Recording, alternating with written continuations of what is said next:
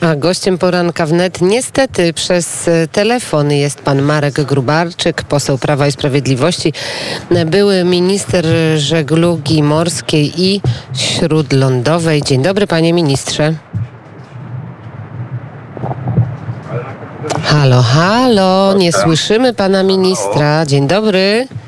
Dzień dobry, halo, czy teraz się słyszymy? Halo, halo. Tak, teraz jest wszystko Halo. bardzo dobrze. Ja pana dobrze. słyszę. Pan mnie słyszy? Dobrze, również, więc bardzo serdecznie witam panią redaktor i wszystkich radiosłuchaczy.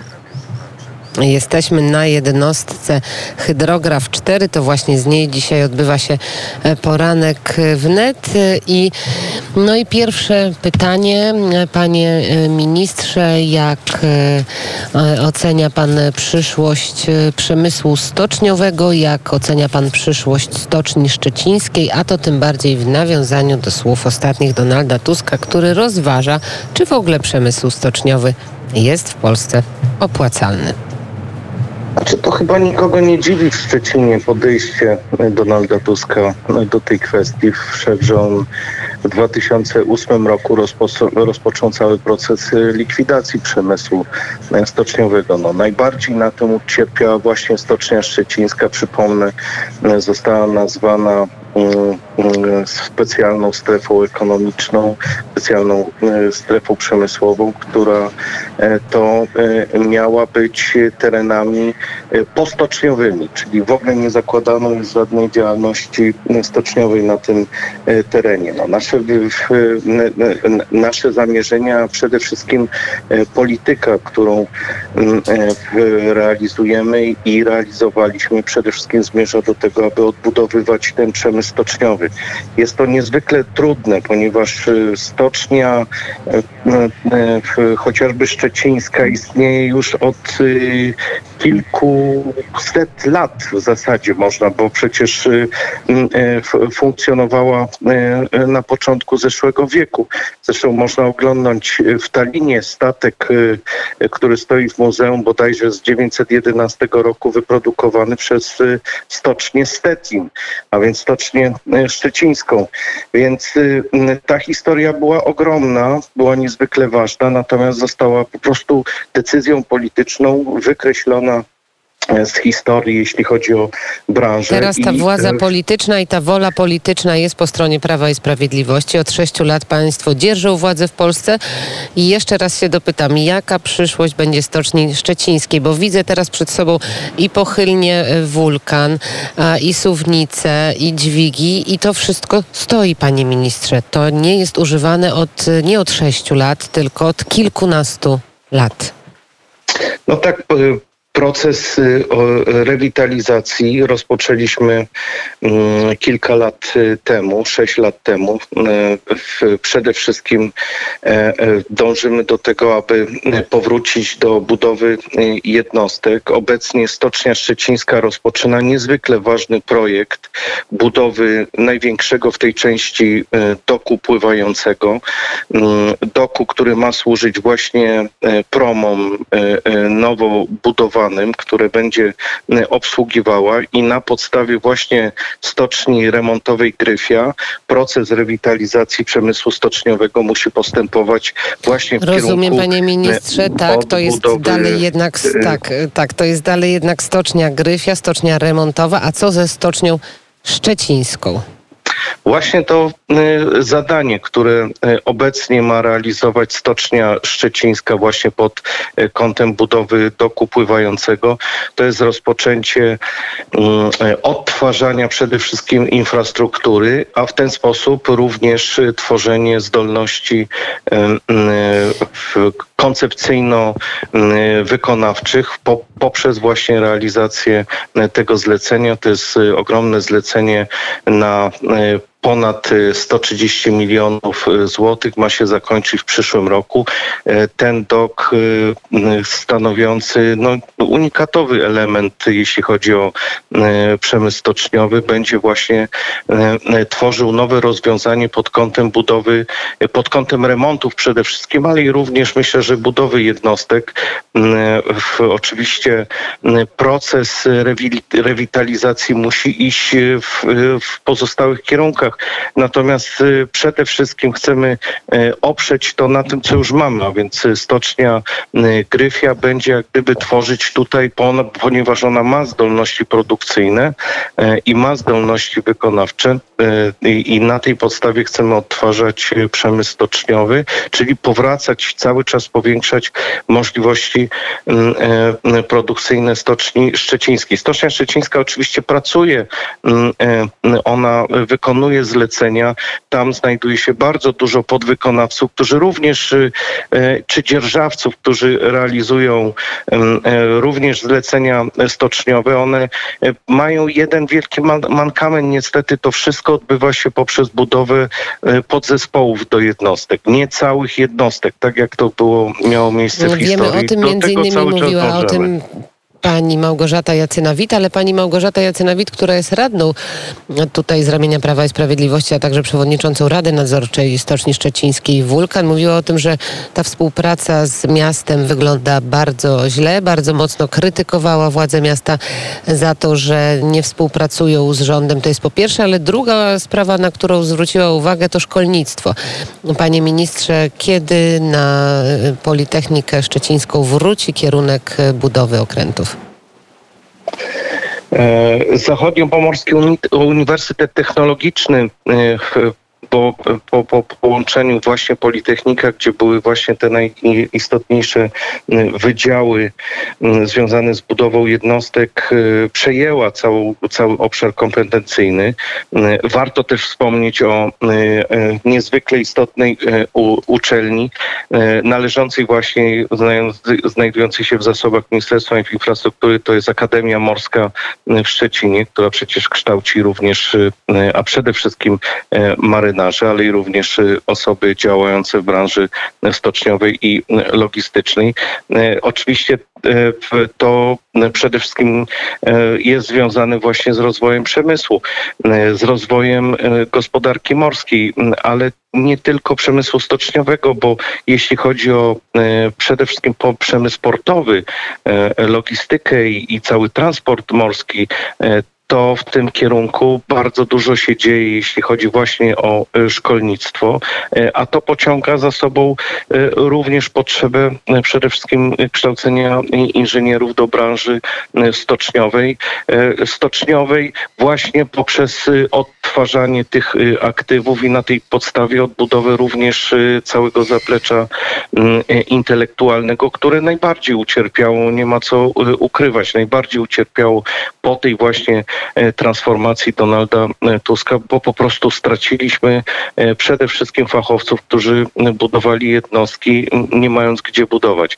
Jeśli rozpocznie się właśnie ten proces realizacji najpierw w doku, bo przecież firmą projektującą jest firma ze Szczecina, wszyscy podwykonawcy, wszyscy dzierżawcy pracujący na, właśnie na terenie Stoczni Szczecińskiej będą realizować te, to zlecenie, więc wydaje się, będzie to ogromny zaszczyt, jeśli chodzi o realizację tego e, tematu w zakresie właśnie odtwarzania branży stoczniowej. Mamy Polski Ład, mamy także mm, Fundusz Odbudowy, jeżeli chodzi o struktury europejskie. Ile z tych pieniędzy, panie ministrze, będzie skierowane na przemysł stoczniowy? To jest związane przede wszystkim z zamawianiem jednostek y, i y, tutaj branża stoczniowa y, będzie odbudowywała się poprzez właśnie budowę nowych jednostek. Więc z jednej strony mamy ogromne zlecenie wynikające z tytułu Ministerstwa Obrony Narodowej. To jest oczywiście budowa mieczników, budowa promów dla polskich armatorów i rozpoczęcie tego procesu właśnie w Stoczni Szczecińskiej i e, w cały obszar remontów i rewitalizacji, przede wszystkim w zakresie e, e, żeglugi tak bałtyckiej, jak i żeglugi polskiej żeglugi morskiej, czy polskiej żeglugi bałtyckiej i obszar Panie myślimy ministrze, przede czy wszystkim... literalnie jest zapisane w Polskim Ładzie nakład na przemysł stoczniowy? Jeszcze raz zapytam. E, takiego e, zapisu nie może być bezpośrednio e, wpisanego, bo Dlaczego? dotacje związane z przemysłem stoczniowym wymagają specjalnych negocjacji w Komisji Europejskiej i bezpośrednie inwestycje w tym zakresie, jeśli chodzi nie wiem, na przykład na odtwarzanie e, czy na, na odtwarzanie e, majątku nie są e, możliwe, natomiast jest możliwe. Ale panie ministrze, czy jakaś zapisane... inna spółka Skarbu Państwa nie mogłaby kupić na przykład Stoczni Szczecińskiej? Czy nie można sprytnie jakoś tego rozwiązać, żeby Komisję Europejską tutaj, no może słowo przechytrzyć jest złe, ale żeby jakoś y, ominąć te przepisy, żeby można ale było właśnie, y, to zakupić, żeby jakaś spółka typu Orlen, Lotos kupiła Stocznię Szczecińską i mogła działać. Spółka, która ma duże pieniądze, zainwestować. Ale właśnie takie rozwiązanie jest stosowane, to co wszyscy stosują, e, jeśli chodzi o e, Europę, a więc e, znaczy wiemy, że oni tam pracują na zupełnie innych warunkach. No to, co w Polsce jest zabronione, w niektórych przypadkach jest w Europie dozwolone. No niestety pracujemy w takiej sytuacji, że musimy sobie z tym poradzić właśnie takie rozwiązania stosujemy przede wszystkim poprzez rynek armatora, poprzez zlecenia wynikające z tytułu właśnie odtwarzania floty, a dla nas priorytetem jest to, aby robić to w polskich stoczniach. Ale Polska Press główne... udało się kupić, a Stocznia Szczecińska nie udałoby się kupić? Myślę, pani redaktor, że mm, e, e, e, jeśli mamy i państwo mają doświadczenie w tym zakresie, to warto to chyba spróbować również, ale jednak jest to niezwykle trudne, bo mm, zdecydowanie więcej nakładów, przede wszystkim jeśli chodzi o utrzymanie tej branży, wymaga przemysł stoczniowy, bo dzisiaj mamy mm, dobrą sytuację, jeśli chodzi o koniunkturę zamówień, ale złą sytuację, jeśli chodzi o o, o finanse stoczni. To wszystkie stocznie przeżywają chociażby e, jeśli chodzi o całkowity spadek zamówień z zeszłego roku. Mamy nadzieję, że to będzie się odbudowywało. Tutaj bardzo mocno właśnie rząd polski, rząd Prawa i Sprawiedliwości pracuje nad tym, bo przecież wszystkie zlecenia, które mają być realizowane, mają być realizowane właśnie w oparciu o polski przemysł stoczniowy i to jest mm. element, który bezwzględnie musi pomóc odbudowie przemysłu stoczniowego. To na razie Stocznię Szczecińską troszeczkę odłóżmy na bok, bo czas nas goni. Zostało nam 5 minut. Wiemy, że ma być budowany terminal kontenerowy, jeżeli chodzi o Świnoujście. Czy już tam są ustalenia dokonane? Bo wiemy, że po stronie niemieckiej jednak pewne opory y, były. Czy są nadal? Czy już jest konsensus? E, no tak, y, inwestycja w postaci budowy terminala kontenerowego jest całym potokiem zdarzeń, który dzisiaj realizowany jest y, w zespole portów Szczecin i Świnoujście. Pierwszy już w zasadzie dokończony to jest budowa y, toru żeglugowego 12,5 metra ze Szczecina do y, Świnoujścia. To bezwzględnie podnosi możliwości przeładunkowe samego Szczecina jako portu i tworzy właśnie rozwiązanie pozwalające wchodzić bardzo dużym jednostkom do Szczecina. Kolejnym elementem jest budowa terminala kontenerowego. Obecnie trwa postępowanie mm, konkursowe wyłaniające operatora. Mm, w zeszłym roku, przypomnę tylko, e, port uzyskał mm, właśnie z budżetu państwa zaszczyt finansowy w postaci 300 milionów złotych na budowę infrastruktury e, dostępowej i teraz Polski Ład, który bezwzględnie e, ma zapisane właśnie 3,5 miliarda złotych złotych na budowę toru podejściowego do nowego, to, do nowego terminala kontenerowego w Świnoujściu. Czyli rozumiem, 65... że z Niemcami jesteśmy już dogadani w tej sprawie, panie ministrze, tak? Pani redaktor, przecież y, y, ta polityka y, związana z naszym zachodnim sąsiadem nie jest taka prosta. Cały czas mamy interwencję strony niemieckiej, może na poziomie właśnie NGO-sów czy landów o tym, co do realizacji poszczególnych inwestycji. Tutaj odra graniczna, inwestycje w tym zakresie, które są bezwzględnie i cały czas kontestowane przez stronę stronę niemiecką. Również jeśli chodzi o oddziaływanie transgraniczne związane z budową terminala kontenerowego, to wnioski i postulaty Niemców. Dla nas jest oczywiste, że realizacja tego, tej inwestycji musi nastąpić. Nie ma to żadnego wpływu transgranicznego, nie ma to żadnego wpływu ekologicznego przede wszystkim jeśli chodzi o realizację, ponieważ będziemy go budować w najwyższej technologii i w poszanowaniu przede wszystkim prawodawstwa i środowiska naturalnego, ale przede wszystkim w oparciu o najrestrykcyjniejsze normy środowiskowe, więc nie ma tutaj żadnego działania, tu chodzi tylko tak, i wyłącznie o konkurencję. Będzie, bo wiemy, że mamy która... różne... Tak, o konkurencję, no właśnie, to jest najbardziej no właśnie, ważne, najbardziej istotne. przede wszystkim Panie ministrze, czas nas goni. Ostatnie pytanie panu niestety zadaję.